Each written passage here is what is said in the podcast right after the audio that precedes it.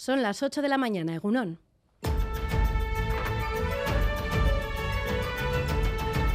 Crónica de Euskadi con Irache Martínez. El próximo lunes se comenzará a vacunar en las residencias vascas con la segunda de refuerzo de la COVID, o lo que es lo mismo, lo que sería la cuarta dosis, y también contra la gripe. Ese mismo día, las personas mayores de 65 años podrán coger cita para ser vacunadas a partir del 3 de octubre. El Gobierno vasco considera que la vacunación es necesaria y subraya la importancia de hacerlo también contra la gripe, porque la población ha podido perder la inmunidad en los dos últimos años. Itziar Ledizgoitia, responsable de Salud Pública del Gobierno vasco. Los dos últimos años, como no ha habido apenas epidemias de gripe, la, la población ha podido perder parte de la inmunidad que ya tenía adquirida anteriormente.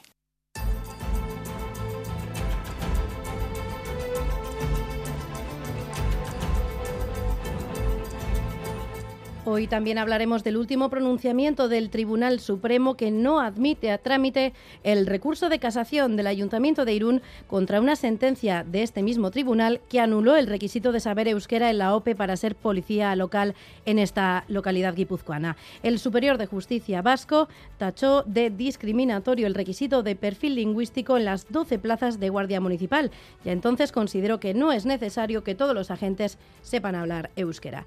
Este sábado además es el último día de Cinema al Día. La película Marlowe arrancará la última jornada del Festival de Cine de Donostia, dirigida por Neil Jordan y protagonizada por Liam Neeson y Diane Kruger. Se proyectará a las ocho y media en el Cursal y por la noche, tras la gala de clausura, en la que se conocerá el palmarés. Marlowe será junto con la película Blonde la gran protagonista de hoy.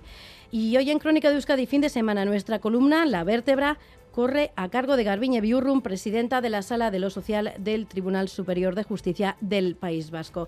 Enseguida vamos con todos estos asuntos, pero antes un adelanto de la actualidad deportiva con John Zubieta. Egunon, John. Hola, Egunon. Las aguas del fútbol femenino bajan revueltas una vez más. Un grupo de 15 jugadoras se ha mostrado contrarias a Ángel Bilda, entre ellas varias jugadoras vascas. La federación no da su brazo a torcer y en principio las amotinadas, entre comillas, no irán a la selección. Siguiendo con el fútbol, Iñaki Williams debutó con gana ante Brasil con derrota por 3-0, mientras que su hermano Nico puede debutar hoy con la selección de Luis Enrique.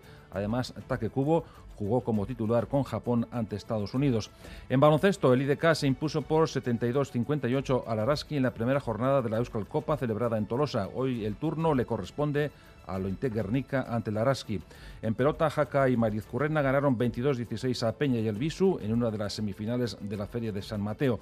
Les esperan Altuna y Martija en la final. Asimismo, el Vidaideac toma parte hoy en la Supercopa de Albacete y en cuanto al Mundial de Surf, Pauline Adó está a un paso de acceder a la final. Por último, el Vidasoa de Irún ganó 33-28 al Atlético Valladolid y es líder provisional. Es que a las 8 y 20 más deportes.